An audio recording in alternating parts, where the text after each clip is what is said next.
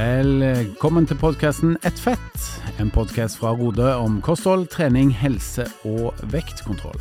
Mitt navn er Henning Holm, og jeg gleder meg til å ta deg med på en reise gjennom livsstilsendringens verden med aktuelle gjester. Velkommen til en ny episode. Både meg og Laustad sitter klar her og er spente på dagens eh, episode. Vi har en gjest i dag, Halvor. Det er ikke bare oss to. Vi har en gjest som har en meget god stemme, og som også har brukt stemmen eh, profesjonelt eh, i livet sitt. Ja, han er en eh, gammel radiomann. Han er ikke en gammel mann, men han er radiomann fra tidligere. Ja, Radio Nova har vi fått forståelsen av, Stemmer. som noen av oss har hørt på, i hvert fall i yngre dager. Ja, og han er invitert på podden i dag fordi at han har et kult prosjekt, faktisk, som, som du er involvert i, Laustad. Jepp, han skal uh, gjøre noe med ja, rett og slett helse, form, vekt. Mm. Så vi skal snakke masse om i dag. Vi skal jo snakke om han Roger heter han. Vi skal Ja. snakke om han i, eh, i hoveddelen av podkasten, men vi skal jo bable litt først. Skal, vi, skal la, vi. skal vi la han bli med på bablinga, eller? La oss gjøre det. Velkommen til oss, eh, Roger. Takk for det. takk for det. Du heter jo Roger Grosvold, og du eh, jobber jo til daglig i Dagbladet, Ja. ikke sant? Ja, Mm, mm. Det stemmer. Bra. Og du er da journalist der. Ja. Ja, Jobber i SoMe-avdelinga. Herlig. Og Det betyr altså sosiale medier, for Ja. de som ikke visste. Ja, men Det- skriver da eh, saker som journalist, men vi styrer også Facebook og, og Snapchat. Og jeg gleder meg til å høre om prosjektet som du nå setter i gang med her eh, tidlig på året. Men før vi kommer så langt, vi må snakke litt uh, babbel, sånn som vi pleier.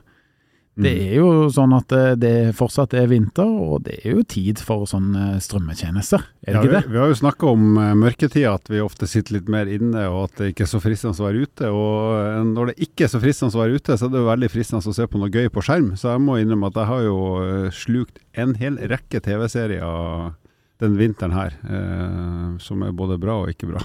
Ikke sant? Ja. ja. Um, er det noen favoritter hos dere, eller? Jeg kan jo si at jeg har fulgt med på siste sesong av The Crown. Og jeg syns jo den serien er veldig, veldig kjekk å følge med på. Ja, den, den står seg, for den, eh, nå er vi jo kommet til siste eh, del, vel. Og det er jo 90-tallet og utover. Og det er jo så gammel at da var jeg ung. Men jeg husker det jo veldig godt, blant annet den der eh, krasjen i Paris, var det vel. Det, Mm, det er jo en dato og en hendelse som de fleste har fått med seg, som er i hvert fall på min alder. Veldig mange husker jo hvor de var, Ja. og de fikk vite at Diana var død. Jeg husker hvor jeg var. Ja. Hvor var du? Da var, hadde jeg overnatta hos en kompis, og så ringte moderen for å fortelle at Diana var død. Ja. For jeg var litt uh, interessert i kongefamilier og liksom, kjendis og Ja. kongelig, så hun uh, Ja. Det er nesten, kanskje teit å si, men det er nesten liksom hvor var du da Oddvar Brå brakk staven, bare for uh, 20 år etterpå. Det var liksom 16 det, vet ikke, det var liksom Det neste er jo da 9-11. Ja. Ja. ja, Så. Diana var liksom før det. Det er liksom de Mm, Mm. to påfølgende der, føler jeg. Mm. ikke sant. Ja. Men er det noen andre serier vi følger med på? Ja, jeg har jo sett eh, Jeg elsker jo sport, så jeg ser jo på alt mulig av eh, serier om sport. Så blant annet den serien om fotballaget Wrexham, som er et Mm. lite drittlag fra Wales, Mm. men som har to eh, Hollywood, Hollywood-filmstjerner som eiere. Den, den har jo gått i to sesonger nå på Disney. Den syns jeg er kjempekul, for den er jo både om fotball og laget og masse rare folk, og så er det om byen og, og de her to skuespillerne som jo eh, av en eller annen merkelig grunn skulle kjøpe et fotballag som er egentlig ganske dårlig, men nå har de jo endelig klart å rykke opp, da. Eller de rykka jo opp i vår. Så den, den syns jeg er både litt sånn hjertevarm, og så er den jo spennende for at det er sport. Ja, Ikke sant. Hva med deg, Roger? Har du noe spennende å følge med på, eller? Nå er vi, vi nærmer oss jula, så jeg er, kjører mer på julefilm. Jeg har liksom sånn, de faste filmene som må ses uh, hvert år. Ja, det er bra, da. Og jeg er litt Jeg, jeg liker veldig godt TV-serier. Jeg driver og ser meg, ser meg gjennom den siste runde av The Crown. Veldig Mm. stor fan av den. Men uh, det er sånn film som er, ligger mitt hjerte aller nærmest. Så jeg ser ofte mer film enn jeg ser TV-serier. Hvilke, fi- hvilke tre julefilmer må du se før jul? Hjelp til juleferie, Ja, ja den er kul. Alene hjemme og Die Hard. Ja. Sistnevnte er det veldig diskusjon. Er det en julefilm, eller er det ikke julefilm? Bruce Willis mener det ikke er det. Uh, jeg mener det er det. Den foregår i juletida, den åpner med julesang, det er eh, julefest. Det er så mye elementer der, så selv om det ikke er en del av liksom handlinga, akkurat som uh, Hjelp deg juleferie, så er det, det. Det har i hvert fall blitt en juletradisjon for veldig mange av oss, for jeg Ja. ser den. Men Ja. jeg ser den alene, for det er ingen andre som gidder å se den sammen. Men hvilke av de tre julefilmene, Halvor, ligner mest på din tilværelse? Tja, kanskje Die Hard, Det var det jeg lurte på. hvis jeg hadde turt. og hatt guts og vært tøff nok. Under de riktige omstendighetene, omstendighetene tror jeg Die Hard. Veldig bra. Vet du hva, jeg foreslår at siden vi har en så spennende gjest som vi har her i dag, så gyver vi løs på dagens tema etter en liten straks. Vet du hva du får et Rode-medlemskap? Du får tilgang til Rodes Ned i vekt-app, der du har full oversikt over det du spiser og det du trener, i tillegg til over 1500 oppskrifter. Du får personlig oppfølging av din veileder, og du får masse faglig påfyll hver eneste uke. Ja, vi har jo eh, besøk i dag, eh, og dagens gjest han skal gjennom et skikkelig spennende prosjekt eh, sammen med både deg, Halvor, og en kollega til hos oss, men òg Dagbladet, ikke sant, hvor du jobber, for de skal følge deg gjennom en skikkelig sånn eh, ja, hva skal vi kalle det? Livsstilsendring? Et slags For, prosjekt? forbedring, var det ikke det du sa på en Livsstilsjustering? Uh, Justering, justering Ja, var det. Ja, jeg likte den. jeg likte den. Du, men før vi går så langt, kan ikke du fortelle litt om uh, hvem, hvem er Roger? Roger er en 43 år ung mann fra Kongsberg som eh, jobber som eh, journalist i Dagbladet. Um, og eh, ja lever et ellers no normalt liv, vil jeg si. Um, treningsmessig har det vært sånn klassisk opp og ned i, i tide og utide, men i, i ABC Nyheter, som jeg jobbet i tidligere, i 2019, så gjorde jeg og en kollega et ganske spennende, og heftig prosjekt hvor vi sykla Norge på langs fra sør til nord på elsykkel. Oh. Uh, I jobbsammenheng, uh, for å da mm, i bunn og grunn sjekke hvor, er, hvor tilrettelagt hvor, hvor, Hvordan går det å sykle Norge på langs uh, på elsykkel? Hvor, hvor enkelt er det? Og ingen av oss var jo noe syklister av noe særlig slag i det hele tatt. Vi hadde jo, hadde, jeg hadde jo knapt sykla så veldig mye de siste årene.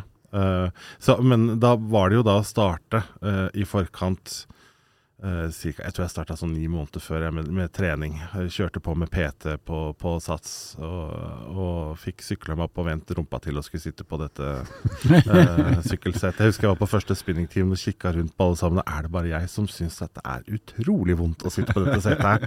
Så jeg ville sykle mest mulig oppoverbakke, for da fikk jeg liksom letta rumpa opp fra den torturinstrumentet som, eh, som jeg følte det sykkelsetet var.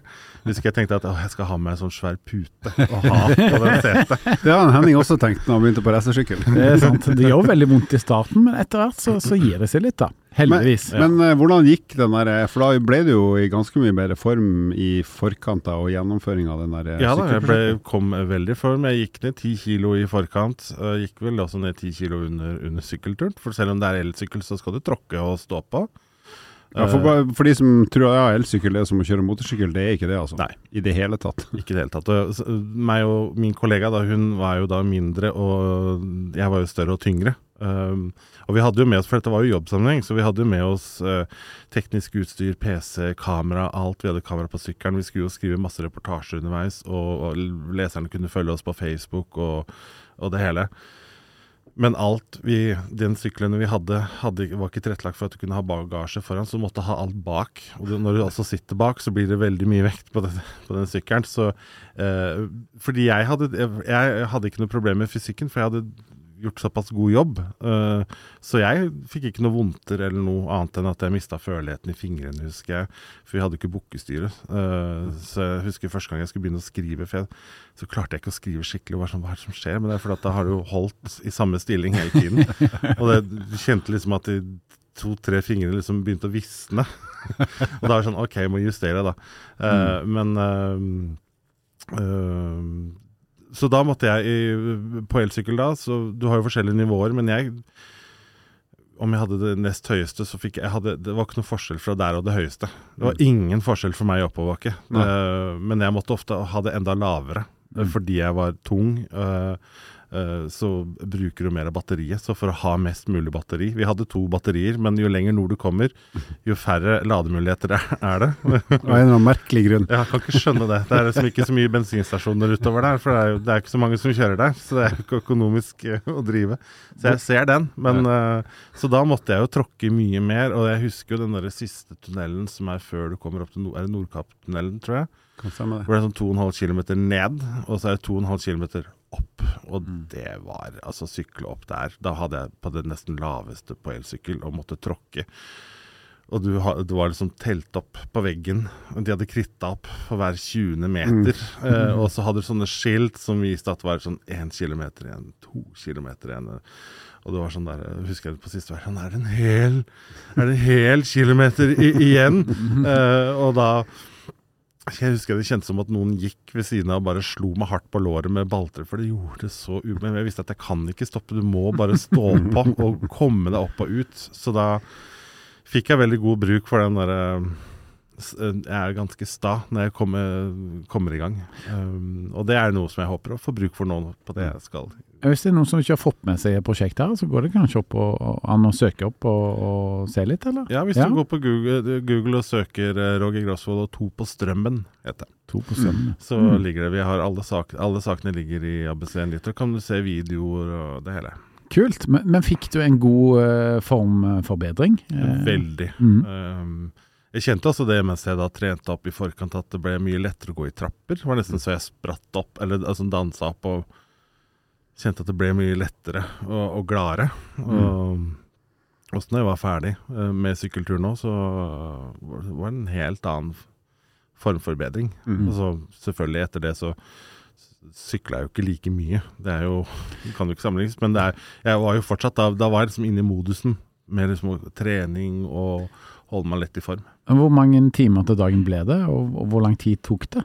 Vi brukte eh, seks og en halv uke, brukte vi. Ja. Fordi vi blant annet måtte Hver søndag så måtte vi ha pause, fordi jobben ville ikke betale søndagstillegg. Eh, og, hver, og, de, og, de helle, og de helligdagene var det også, måtte vi også være stille, for det er- så er det helligdagstillegg. Ja, ja. Så, jo, men vi jobba jo også underveis med å gjøre intervjuer, møte folk. Og så når du da endelig kom fram til hytta, så var det jo å rigge opp PC, finne noe eh, nett for å laste opp alle videoene fra dette kameraet du hadde hatt på sykkelen, eh, for å få de til Oslo, ta en dusj, kanskje få litt mat, og så skal du skrive og sende av gårde. Og så sove litt, og så skal du sykle igjen dagen etterpå. Hørtes travelt ut. Travelt.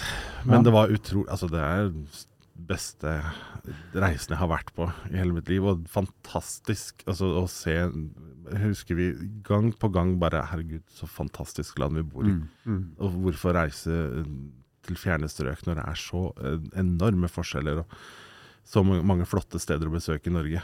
Som vi også var så heldige å få besøke fordi, fordi vi var på tur. Mm. Ikke sant? Uh, små steder som dere bare ville kjørt raskt forbi. Sånn tenker jeg også hver gang jeg kjører gjennom Tyskland.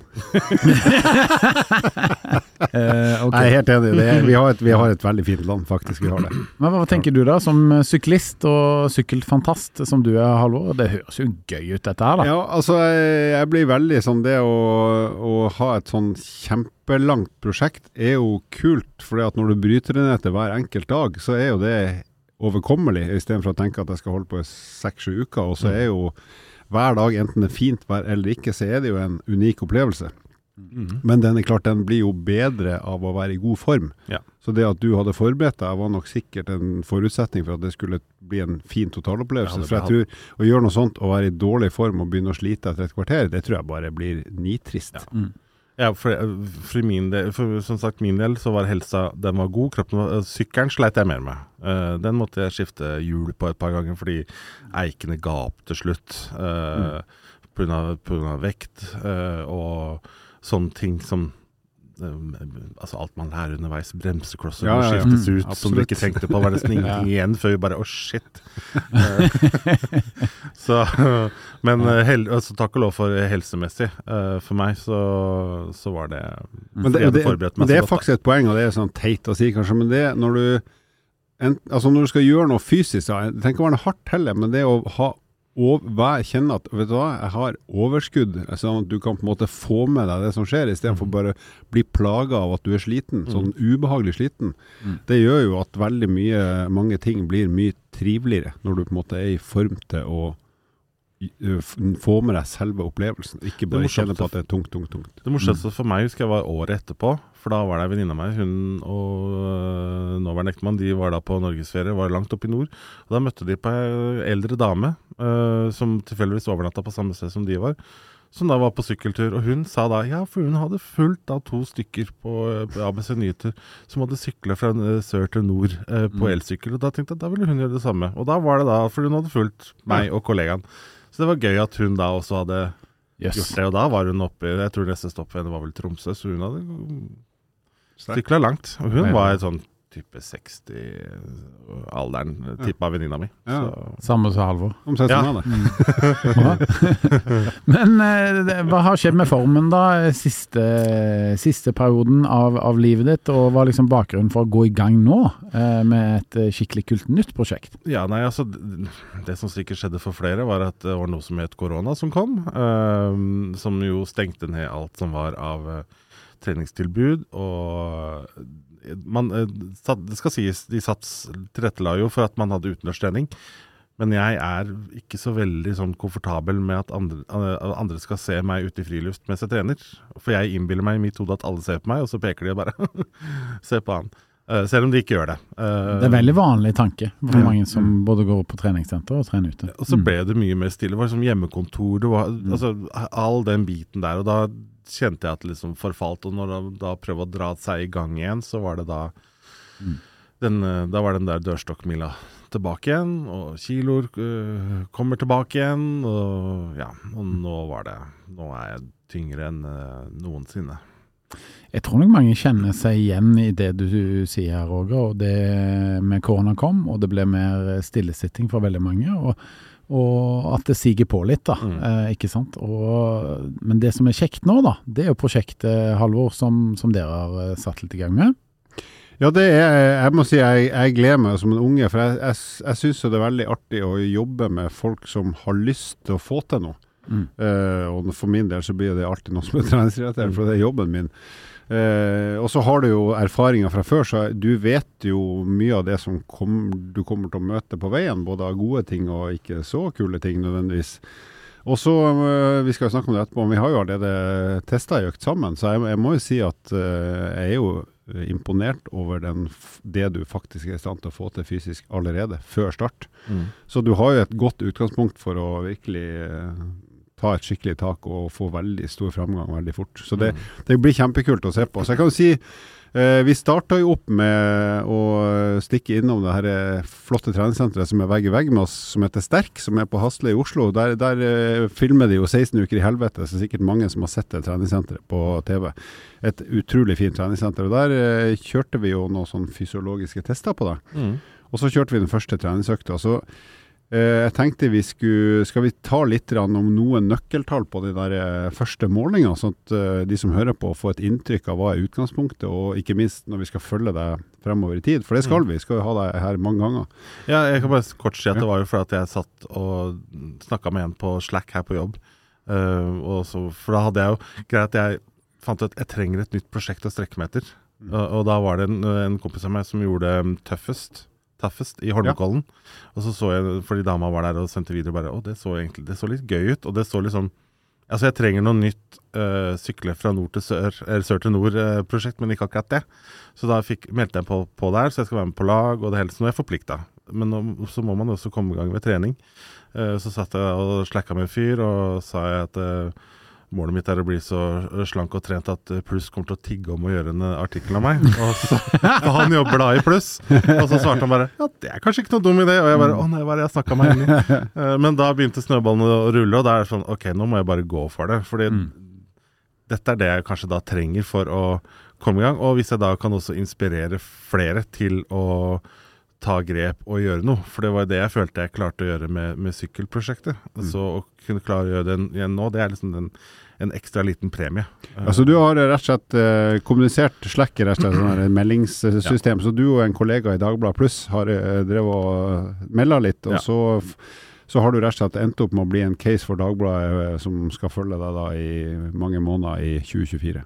Fram til jeg kanskje står på toppen av Holmenkollen. Og, Ja, og det er, for det, det er litt sånn typisk, uh, særlig for mannfolk, at hvis du setter deg et eller annet mål litt fram i tid, så er det ofte det som skal til for at du må begynne å gjøre noe. For uh, vi er jo sikkert dumme på mange måter, vi eh, gutter, men akkurat de tingene der kan trigge veldig mange av oss til å gjøre noe med, for at vi har lyst til å oppnå noe, som for mange kan fremstå som helt banalt. Ja, men hvorfor er det så viktig? Ja, men det, det er viktig, for du, du ser for deg en eller annen prestasjon som Mm. du skal gjøre, og så har du ut fra det lyst å få det til, nok Mm. til at du faktisk begynner å gjøre noe hver uke og flere ganger i uka for at det skal bli den opplevelsen du ser fram til. Jeg har jo sett det samme med den sykkellengden jeg surrer rundt med på Ekeberg. Med en gang vi har et mål, nå skal vi være med på Ceresrittet i mai, Mm. så er det mange flere av de som har begynt å sykle nå i vinter. Mm. Hadde vi ikke hatt det, så hadde de surra rundt til april, og så blitt med og tråkka litt lett Mm. eh, på forsommeren. Mm.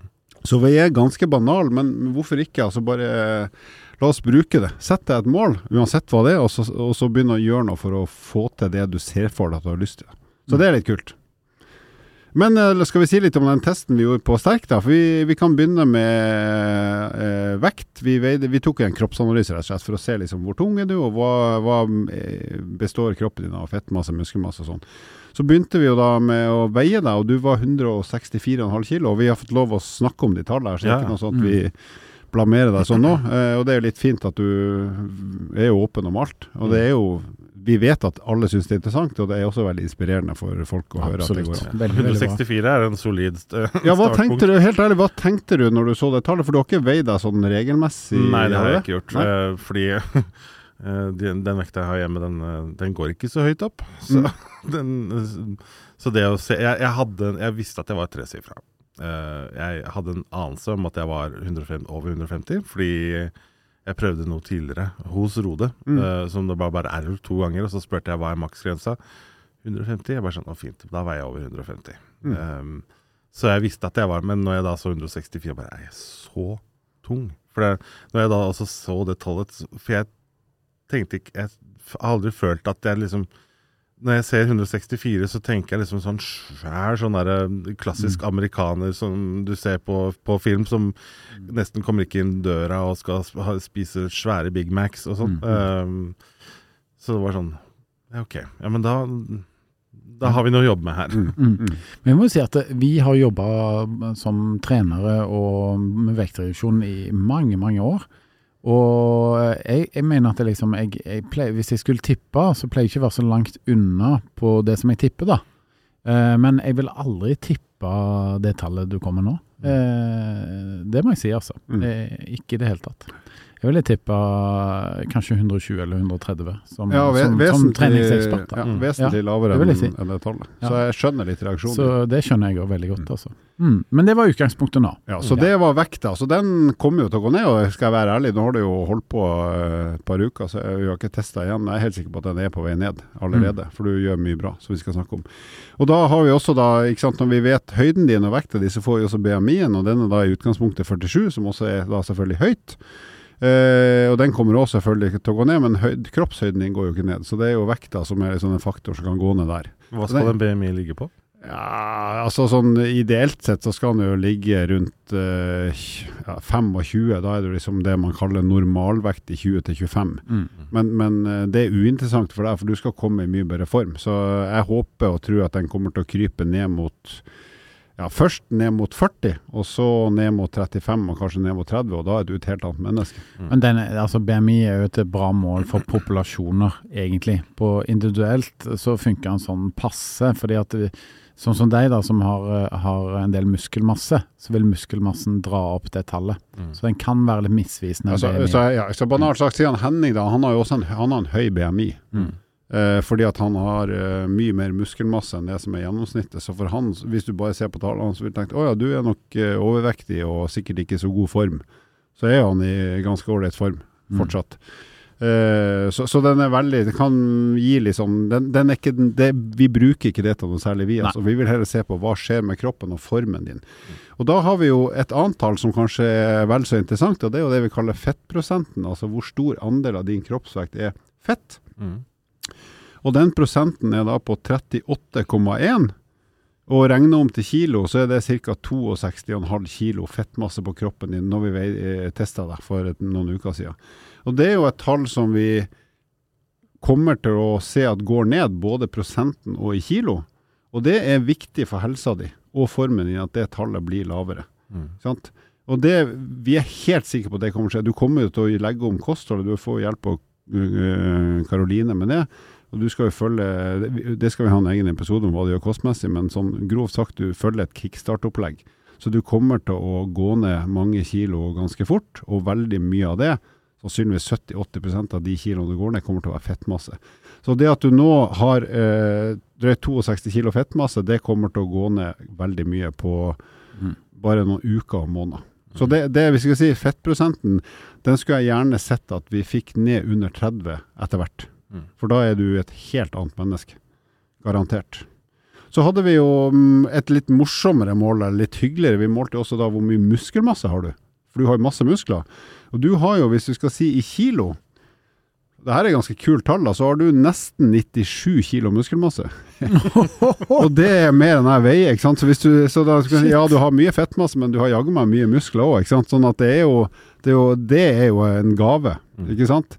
Og det tallet der, eh, det er klart det kommer òg til å gå ned, men vi er jo ikke noe mål om at du skal miste mest mulig muskelmasse. Så drømmen er jo at du går ned i vekt, for det trenger du for helse og form. Og at du mister mest mulig av de kiloene som går av kroppen din, de skal i størst mulig grad være fettmasse. Mm. Sånn at de tar vare på så mye som mulig av muskelmassen. Du kommer helt sikkert til å miste noe muskelmasse òg, men du har, for å si det litt, jeg er litt misunnelig på akkurat det der, du har så mye å ta av, ta av at det får, du bare, det får du bare godta at du mister noen få kilo muskelmasse. Jeg tror det er mange, som, eh, mange der ute som ønsker å bygge muskler, og jeg tror mange av de tenker litt sånn så Halvor nå, at eh, det er litt misunnelig på den muskelmassen der. Altså. Men, men det er jo også, så, og Vi skal ikke tulle med det her, men altså, er man stor, så har man også garantert mye muskelmasse som kan være til hjelp når man går ned i vekt. Eh, og du er jo kjempesterk i beina, det har vi jo sett når vi begynte å teste deg på tredemølle. Altså, du har jo masse kraft som du kan bruke til noe, annet enn å sitte stille. Mm. Sant? Fordi at du har tross alt båret på mange kilo opp og ned trappa og gått frem og tilbake her og der. Så du har ganske mye styrke som vi skal bruke positivt i, i treninga. Så muskelmassen er jo egentlig eh, skyter jo en, eh, over enhver skala i positiv forstand. Så har vi et par tall til som jeg bare tenkte vi skulle ta. Så har vi liksom dekka alt, for det, vi skal følge deg og, og, og kommentere på det her underveis. Vi har noe som kalles sånn viseralt fettscore. Der har du 25. Det tallet sier ikke så mye, men, men det tallet skulle helst vært litt lavere. For det forteller litt om bukfedme, altså fedme rundt indre organer.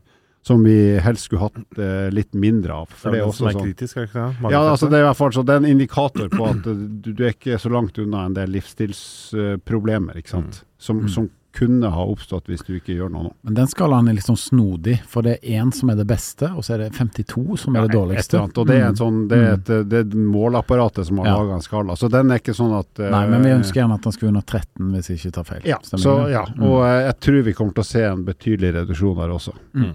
eh, i takt med formen. Men er Så- det, er det Sorry, jeg tror, men Ja, ja, er det et tall som også varierer, slik som BMI? Uh, Eh, ja, så den, det tallet har Du kan si uh, Hvis du skal si en som har en sånn god score på det tallet der, er typisk har god kondisjon og er normalvektig. mm. Eh, Så det er jo derfor vi Alle de tingene vi gjør, skal jo gjøre at tallene blir bedre.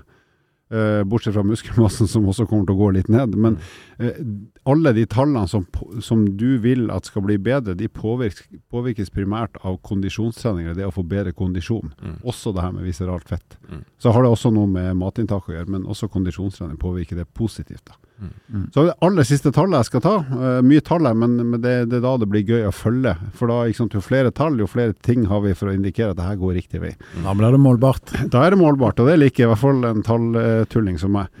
eh, det er altså maskinen som har testa, har gitt deg en sånn estimert, et estimert eh, hvileforbrenningstall. Altså hvor mye kalorier bruker du sannsynligvis på et døgn hvis du ikke gjør noen ting annet enn å sitte helt stille.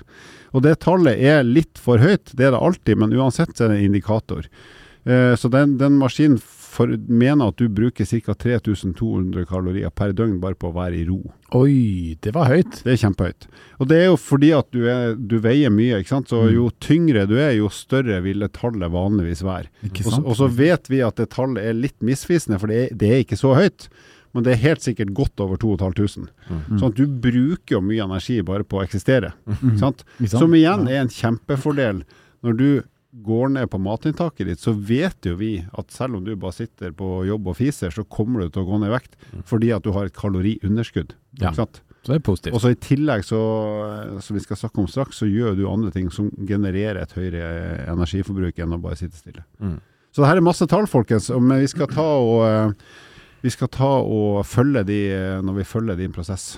Og det gjør de jo i Dagbladet også, så de kommer jo også til å snakke om en del om de tallene. Og hva, hva skjer, hvor fort skjer det, og, og hvilke endringer skal vi eh, forvente. Men skulle vi sagt litt, Henning, om hva vi som trenere tror at han Hvis vi sier at uh, vi skal gjøre oppfølging, la oss si hva tror vi kan skje i løpet av de første åtte ukene, hvis vi tar utgangspunktet at du skal gå til jobb hver dag, i hvert fall én vei. Du Mm. bor jo drøyt tre kilometer unna. Ta meg en, ta meg en cirka en halvtime. Ja. Gå rolig gang. Så Roger skal gå i hvert fall fem ganger i uka, minst en halvtime eh, i forbindelse med jobb. Og så skal du trene den kondisøkta som vi skal se på snart, i hvert fall to ganger i uka. Og så kommer du sikkert til å gjøre en del andre ting òg, men la oss si at det er i hvert fall sånn minimumsnivået. Mm. Så hva tror du, Henning, og så får han jo hjelp med kosthold, og hva tenker du at han klarer på de første åtte ukene i forhold til vektreduksjon og kanskje tap av fettmasse? Du skal jeg, tippe. Jeg, ja, jeg skal tippe. Eh, jeg tipper du vil gå ned 12,4 kilo. Ja, jeg tipper mm, Jeg får si noe annet. Jeg tipper 14 kilo. Og så Mm. tror jeg at jeg tror at 11-12 av de kiloene er tap av fettmasse. Ja. Og, og litt av grunnen til at eh, jeg tror at du vil gå ned så mye, det er altså det initielle vekttappet. Liksom, en gang du setter i gang, hvis du er flink da, så skjer det veldig mye i starten, selvfølgelig. Eh, det andre er at du har såpass høy energiomsetning. Du har så høy eh, ja, basalforbrenning, da, bilforbrenning, at eh, eh, Nei, og, og jeg vet jo litt om denne kostplanen nå, så alle disse tingene til sammen, summen av det, så tror jeg han, han havner eh, nord for tolv 12 kilo. Hva tror du sjøl, Roger?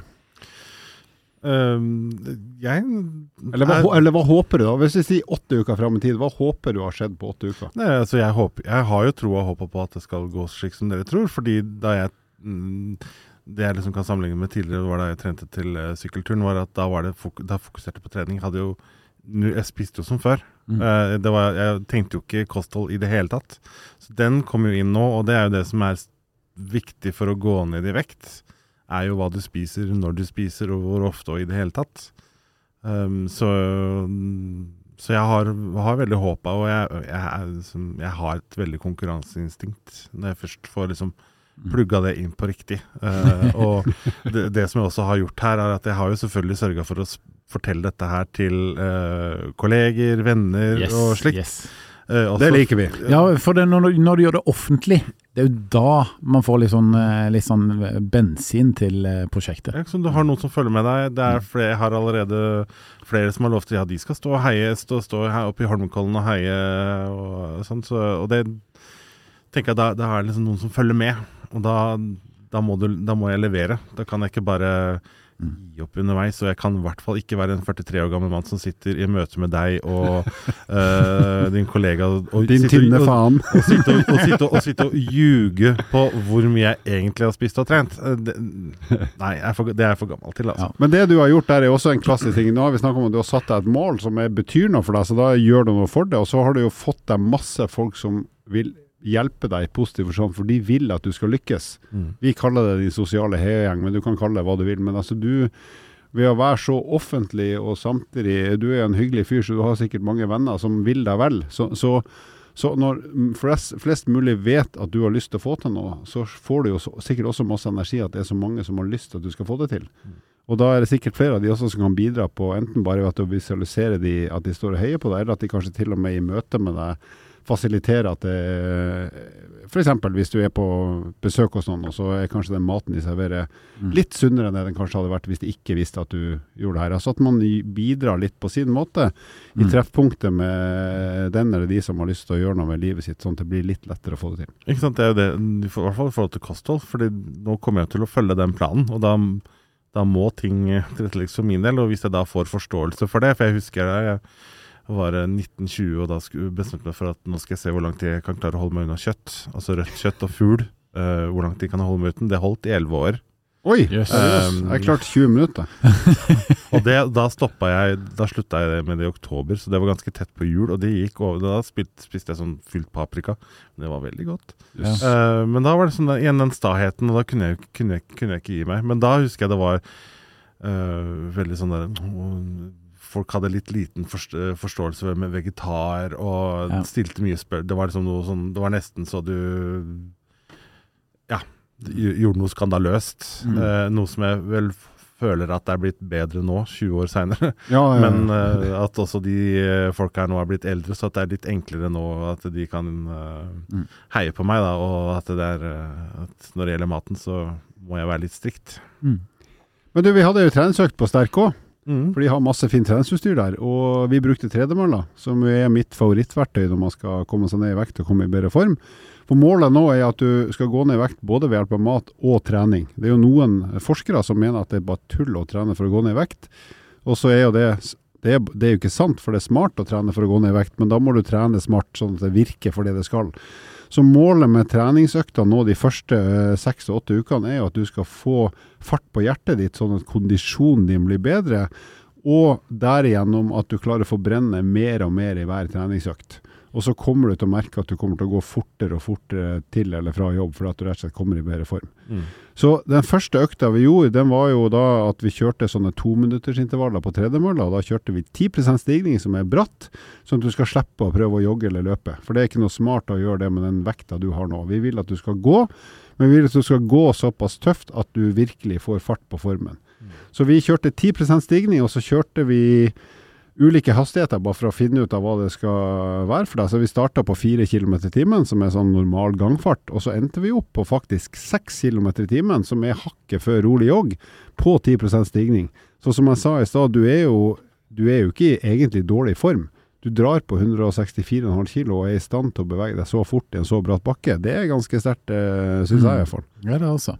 Jøss. Så kan Ja. du si litt eh, Jeg hadde sånn her eh, prøvde å få deg til å forklare hvor lenge kunne du holdt på hvis du var nødt eh, til å fortsette det draget her, bare for å få en idé om hvor slitsomt det var. Mm. Og I starten så hadde jeg kunne jeg gjort i 30-40-50 minutter, null stress. Og så kom vi opp på 5-5,5 km i timen i fart og 10% stigning, og da var det sånn Ja, jeg kunne klart det i ca. fem minutter til. Og så tok vi den aller siste, så kjørte vi på 6 km i timen. Da kan du beskrive hvor, hvordan du syns det var? Hvor hardt var det, hvis du husker det? Um, det husker jeg at nå, da, måtte jeg, da måtte vi grave litt lenger ned i, uh, i, i kjelleren for å hente uh, stå-på-vilje til å stå ut. Og da visste jeg at jeg, jeg hadde aldri klart fem minutter. Men, uh, Ja, for du- ja, men jeg skulle klare, de, skulle klare de to Du klarte to, og så sa du at du Uten å holde i det Yes, rekkverket. yes. Jeg skulle, skulle ikke være i nærheten av det Og rekkverket. du klarte det veldig bra. Du sa at du kunne klart du kunne nok klart ett minutt til hvis du var nødt, Ja. men det Mm. betyr at da er det så hardt at det så hardt trenger du ikke å trene. Nei. Så det vi konkluderte med var at neste økta du skulle gjøre for deg sjøl, så skulle du ligge rundt 5,5 km i timen aktig etter ei god oppvarming, Mm. og kjøre åtte eller ni sånne tominuttersdrag. Mm. For da forbrenner du masse i selve treninga, og du gjør masse for formforbedringer. Så vi vet at hjertet ditt nå er sterkere enn det var etter første økt. Mm. Kjempebra. En god start, da. Og du har jo trent, du kan jo si det, hvor mange økter har du fått kjørt nå? Jeg har fått kjørt da? to siden vi tok den. Uh, og jeg gjorde den siste økta gjorde jeg nå i dag, før jeg kom hit. Uh, som var definitivt hardere enn den forrige, så jeg mistenker at jeg må ha gjort noe gærent i forhold til stigning, for det var bare så utrolig mye mer hardere.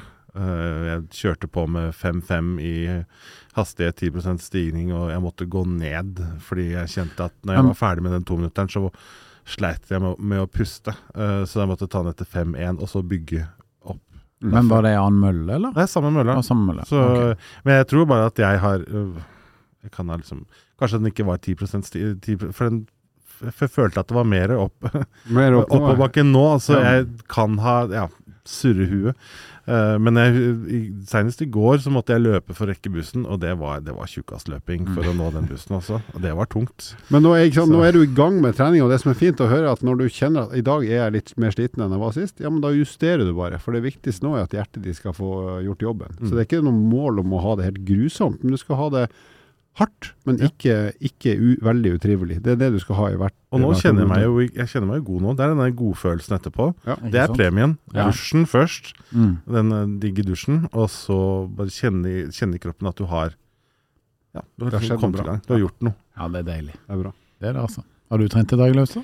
Du, jeg har spilt litt tennis med hans Sven Erik, som er vår kjære kollega. Ja. Og han eh, er fortsatt mye bedre enn meg i tennis, men det er fortsatt veldig gøy. Og så har jeg fått uh, noen veldig gode tips av han til å gjøre meg vesentlig bedre til å serve, for det er jeg så dårlig på at det Mm. Hvis jeg hadde hatt ti forsøk per serve, så skulle jeg klart å serve meg gjennom en servegame uten å tape uh, komplett. Men jeg er fryktelig dårlig på å serve. Veldig bra. Vi nærmer oss jo tampen på denne episoden. Det blir utrolig spennende å følge dette her. Men sånn helt på tampen her, hvilke tips eh, vil du gi til deg selv eh, nå i starten av prosessen? da? Øh, fortsette på, del, på den linja som er nå. Jeg har jo allerede f.eks. kutta ut sjokolade. Det hadde jeg gjort en god stund, og det har jeg klart å holde meg unna.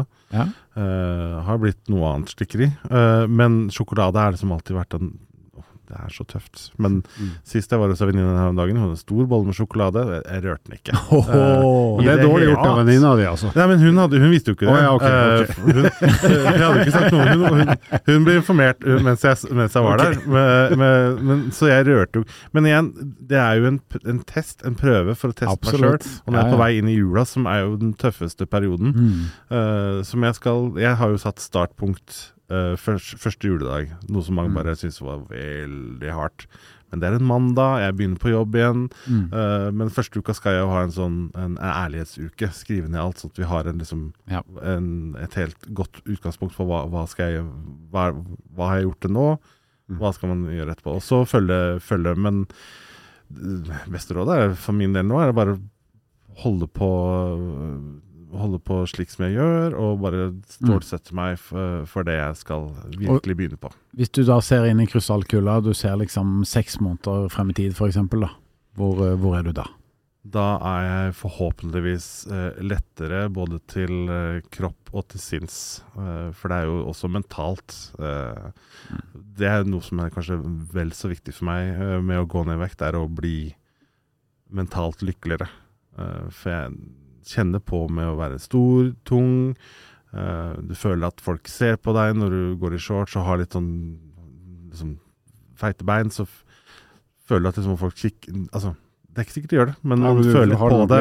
Selv, ja. Du kjenner på, kjenner på liksom pusten og alt Mm. sånt. Så det liksom føle at du har overskudd, være blidere. For det var det folk sa til meg etter at jeg har vært på sykkeltur. At jeg, da var jeg så Jeg virka så glad, så lykkelig. Mm. Men ja, der er jeg ikke nå, og jeg vil Mm. tilbake igjen. Men det er det, der, det som høres ut som en floskel, det med det der eh, overskuddet. Mm. Ikke sant? At du, eh, når du Mm. får opp formen litt, så er det lettere å Det aller meste blir lettere. Også det å ha overskudd til å være i godt humør. Ja, være sammen, være sammen med folk og Kanskje gjøre noe med ens egen singeltilværelse, f.eks. Mhm. Føle at du har en vare å selge, for det føler jeg ikke akkurat nå. Så. Da får du lage annonse til neste gang du skal innom i podkasten. Da skal du ikke få hjelp av Halvor til sånne singelannonser. Det er i hvert fall sikkert Da får du garantert treffe noen du ikke vil treffe. Men Roger, fy søren, tusen takk for at du deler så ekte og ærlig åpent med alle lytterne våre og med oss her. Det setter vi veldig, veldig stor pris på.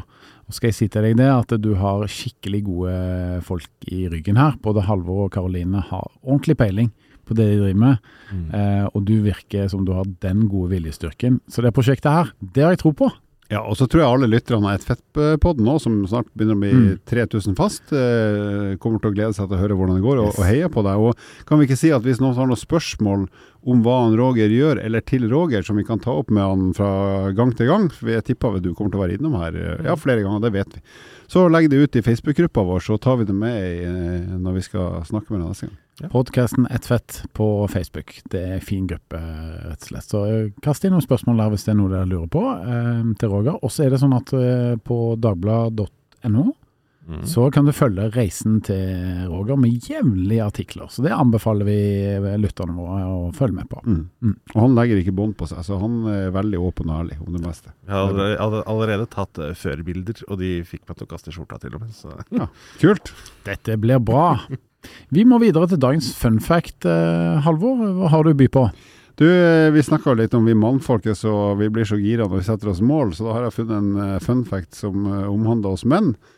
Og den lyder som følger. Det er sånn at mannfolk er jo ca. 50% av verdens befolkning, sånn pluss-minus akkurat. Og Det betyr at vi også da utgjør ca. 50% av arbeidsstyrken i verden, altså folk som er i jobb. Men likevel så forårsaker altså vi mannfolk 94% av alle ulykker på arbeidsplassen. På tross av at vi bare er halvparten av arbeidsstokken. Så vi bør kanskje roe oss ned litt. Ja, det sier jo noe om oss. Ja, men det er jo sånn med menn Vi, vi, vi leser jo ikke instruksjonen når vi skal bygge noe. Nei. Det, kanskje kvinner er flinkere til det, da. Og hadde vi gjort det, så hadde dere kanskje ikke opplevd at det hadde rast over oss før det var ferdig. Jeg tror vi gutter generelt er ganske dumme. Det var uh, alt fra oss uh, for denne gang. Tusen takk til deg, Roger, som kom på besøk. Takk for at jeg fikk komme. Takk til deg for uh, ditt bidrag, Løvstad. Takk for meg. Ha en fin uke. Vi høres!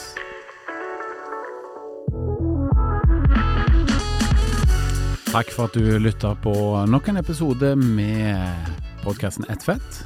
Dersom du er interessert i å lese mer om eh, livsstilsendring, gå inn på Rode-magasinet på rode.com. Vil du stille oss spørsmål som vi kan diskutere i en episode, ikke vær redd for å sende inn på Facebook eller Instagram hos eh, Rode. Til neste gang, vi høres.